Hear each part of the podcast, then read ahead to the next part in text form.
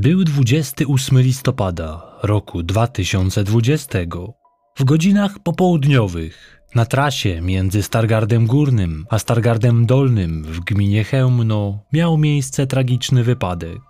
W niewyjaśnionych okolicznościach samochód Deumatis zjechał z czterometrowej skarpy, wpadł do rowu i momentalnie stanął w płomieniach.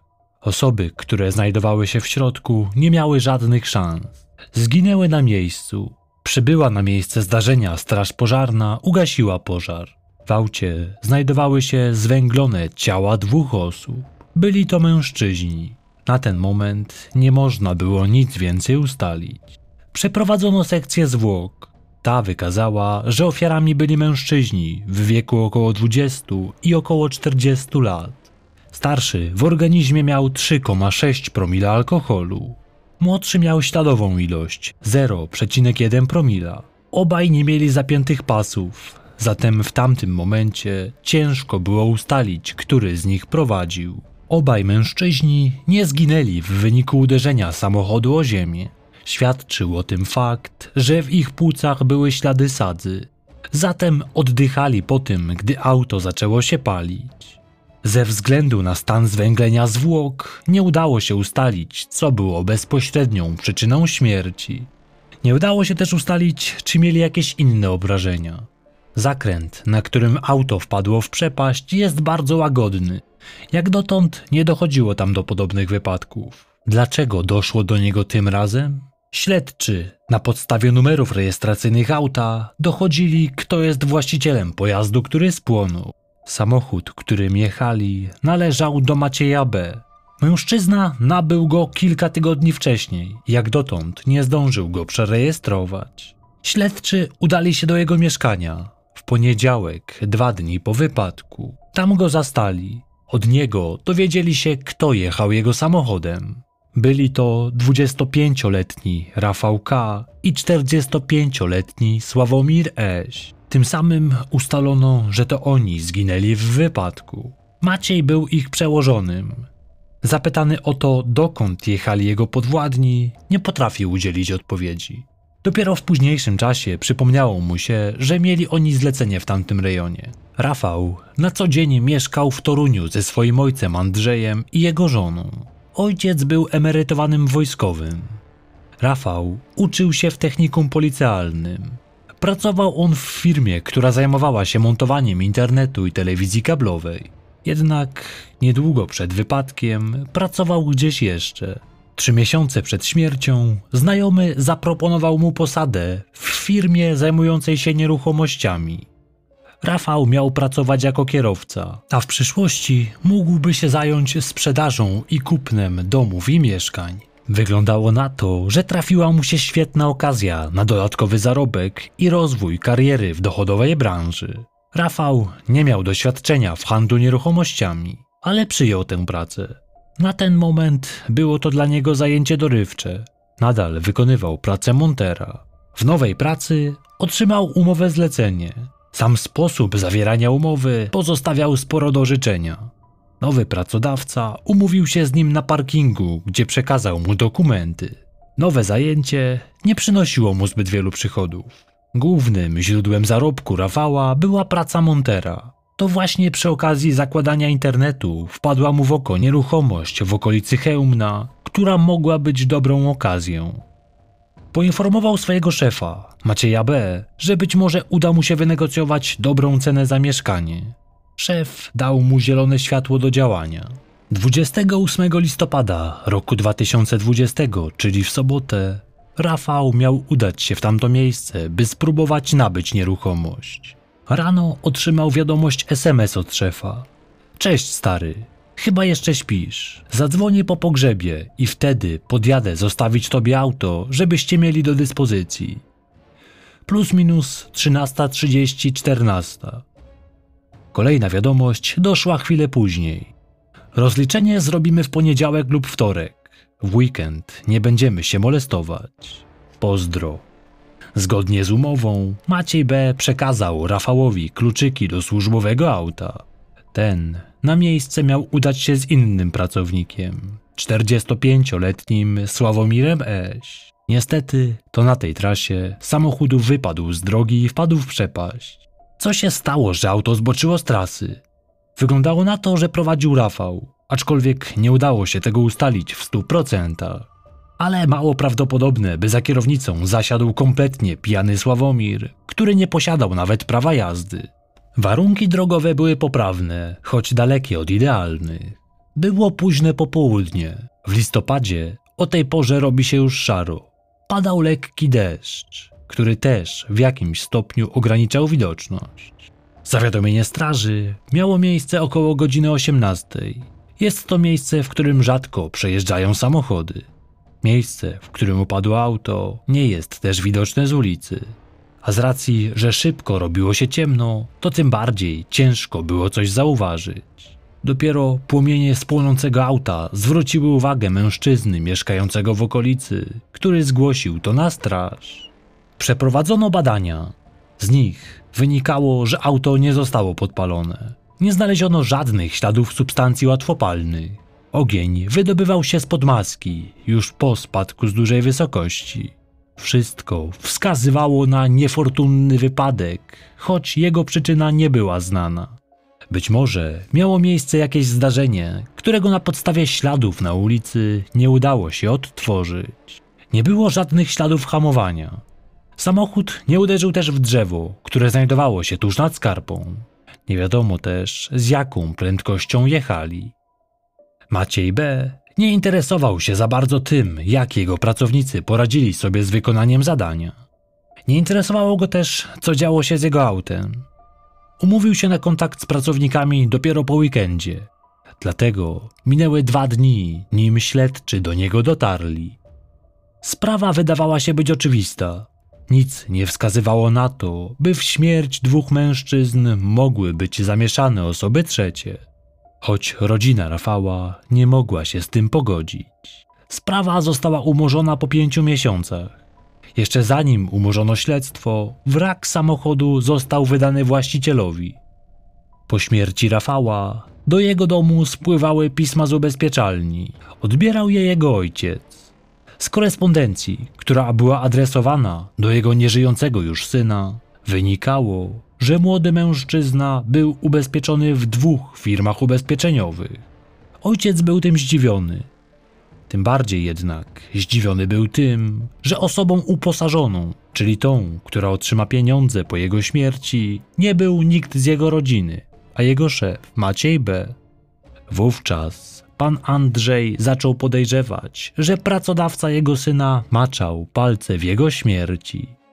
Już wcześniej wątpił w to, by 25-latek popełnił na drodze błąd, który kosztował życie jego i drugiego mężczyzny.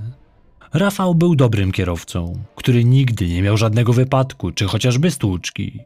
Jeździł codziennie i dobrze panował nad autem na drodze. Zawsze też zapinał pasy. Tym bardziej dziwne było, że nie zrobił tego tym razem. Miał też zasadę, że nigdy nie odbierał telefonu w trakcie jazdy. Mężczyzna zaczął naciskać na śledczych, by dokładniej sprawdzili firmę, w której pracował jego syn. Zatrudnionych tam było kilku innych mężczyzn. Okazało się, że nie do końca mieli oni kwalifikacje na swoje stanowiska.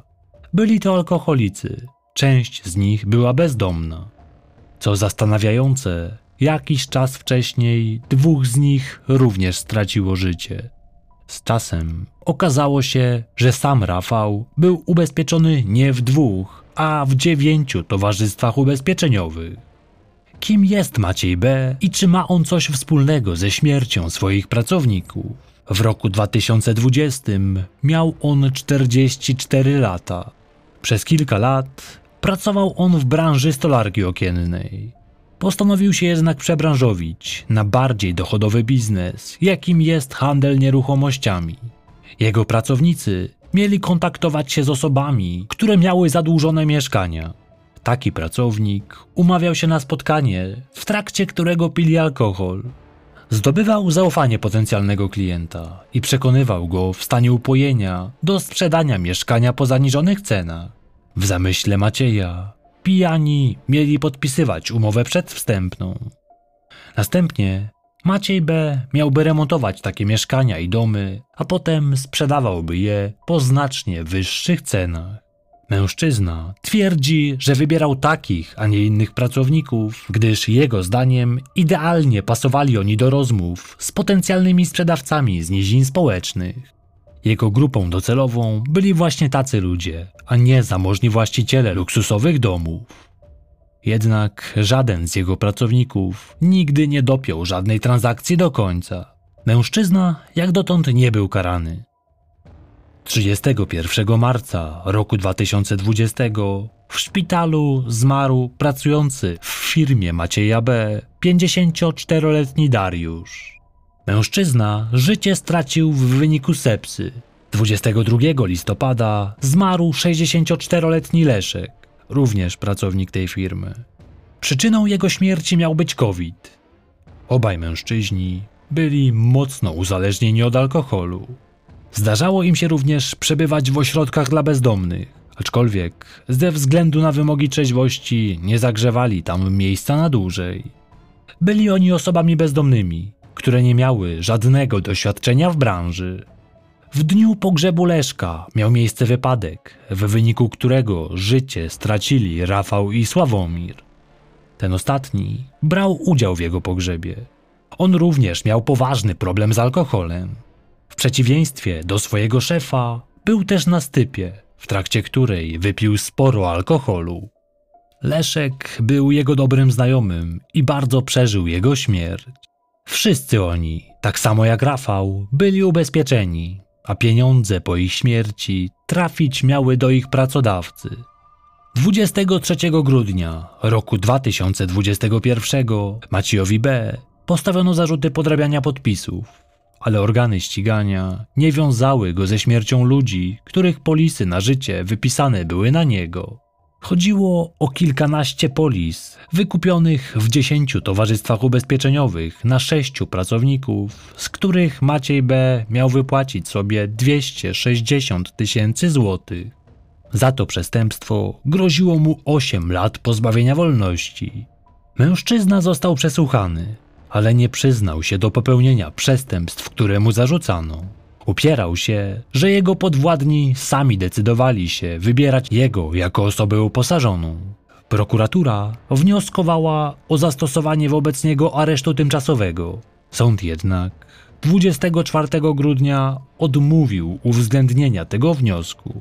Nie widział przesłanek do zastosowania środka w postaci aresztu tymczasowego. Tym samym Maciej B. na święta, niejako w prezencie, otrzymał możliwość powrotu do domu. Pan Andrzej, nie widząc działań ze strony organów ścigania, postanowił nagłośnić sprawę w mediach. Minęło pół roku od śmierci jego syna, kiedy zaczęły się pojawiać reportaże na temat tajemniczych śmierci mężczyzn z Torunia. Sprawa pojawiła się m.in. w programie Państwo w Państwie czy Interwencja. Tam ojciec zamordowanego jako najbardziej prawdopodobną wersję przedstawia taką, że Rafał i Sławomir zostali zamordowani, a potem ktoś zepchnął auto z ich ciałami ze skarpy, w ten sposób pozorując wypadek. Po interwencji dziennikarza telewizji Polsat, kilka miesięcy po wypadku wznowiono śledztwo. Jeszcze raz przeprowadzono oględziny miejsca wydarzenia. Wówczas znaleziono dwa telefony komórkowe należące do ofiar. Wcześniej jakimś cudem to przegapiono. Telefon daje spore pole manewru śledczym. Mogli oni sprawdzić, jaką trasę przebyli mężczyźni w dniu, kiedy doszło do wypadku. Rafał korzystał z aplikacji, które śledziły jego lokalizację. Okazało się jednak, że choć można było odtworzyć, gdzie znajdował się w poprzednie dni, to zapis z 28 listopada był kompletnie pusty. Nie wiadomo, czy pojechali prosto na miejsce, czy po drodze zboczyli z trasy. Świadek zauważył płonące auto około godziny 18, choć mężczyźni powinni przejeżdżać tamtędy dwie godziny wcześniej. Z racji, że wrak samochodu został wydany właścicielowi już wcześniej, to przy wznowionym śledztwie opierano się jedynie na jego zdjęciach. W roku 2021 kolejny pracownik zatrudniony przez Macieja B. stracił życie. Z tym, że w przeciwieństwie do poprzedników, on nie miał polisy, której uposażonym miał być jego szef. Jego śmierć nastąpiła z przyczyn naturalnych. Miał on dom i żonę. Najprawdopodobniej jego śmierć była przypadkiem. Czyżby pozostałe również były niefortunnym zrządzeniem losu? Dlaczego mężczyźni wskazywali Macieja B. jako osobę uposażoną? Otóż, jego zdaniem, sami chcieli, by odbywało się to właśnie w ten sposób. Większość z nich miała długi i obawiali się, że w razie czego komornicy przejmą ich pieniądze. U Macieja miały być bezpieczne. On miał za nich zajmować się formalnościami. Media nadały mu przydomek Anioł Śmierci.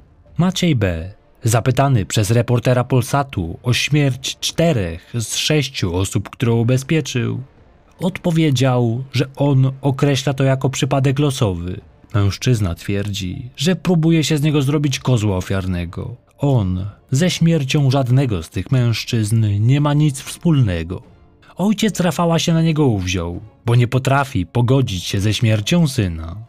Mężczyzna twierdzi, że przez tę sprawę podupadł jego biznes, a ludzie wytykają go palcami na ulicy.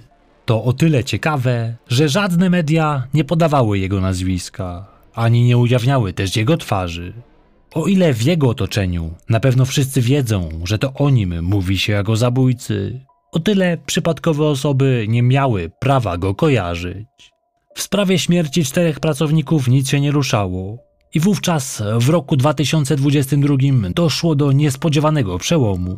W marcu tego roku Maciej B. został zatrzymany pod zarzutem zabójstwa. Co ciekawe, nie dotyczyło ono żadnej ze spraw, o których mówiłem dotąd. 20 grudnia roku 2021 życie straciła 68-letnia kobieta mieszkająca na osiedlu Skarpa w Toruniu. Nie była to wówczas głośna sprawa. Media się nią nie zainteresowały. Zmarła na imię miała Maria i mieszkała w nieco ponad 30-metrowym mieszkaniu w bloku od niemal 40 lat.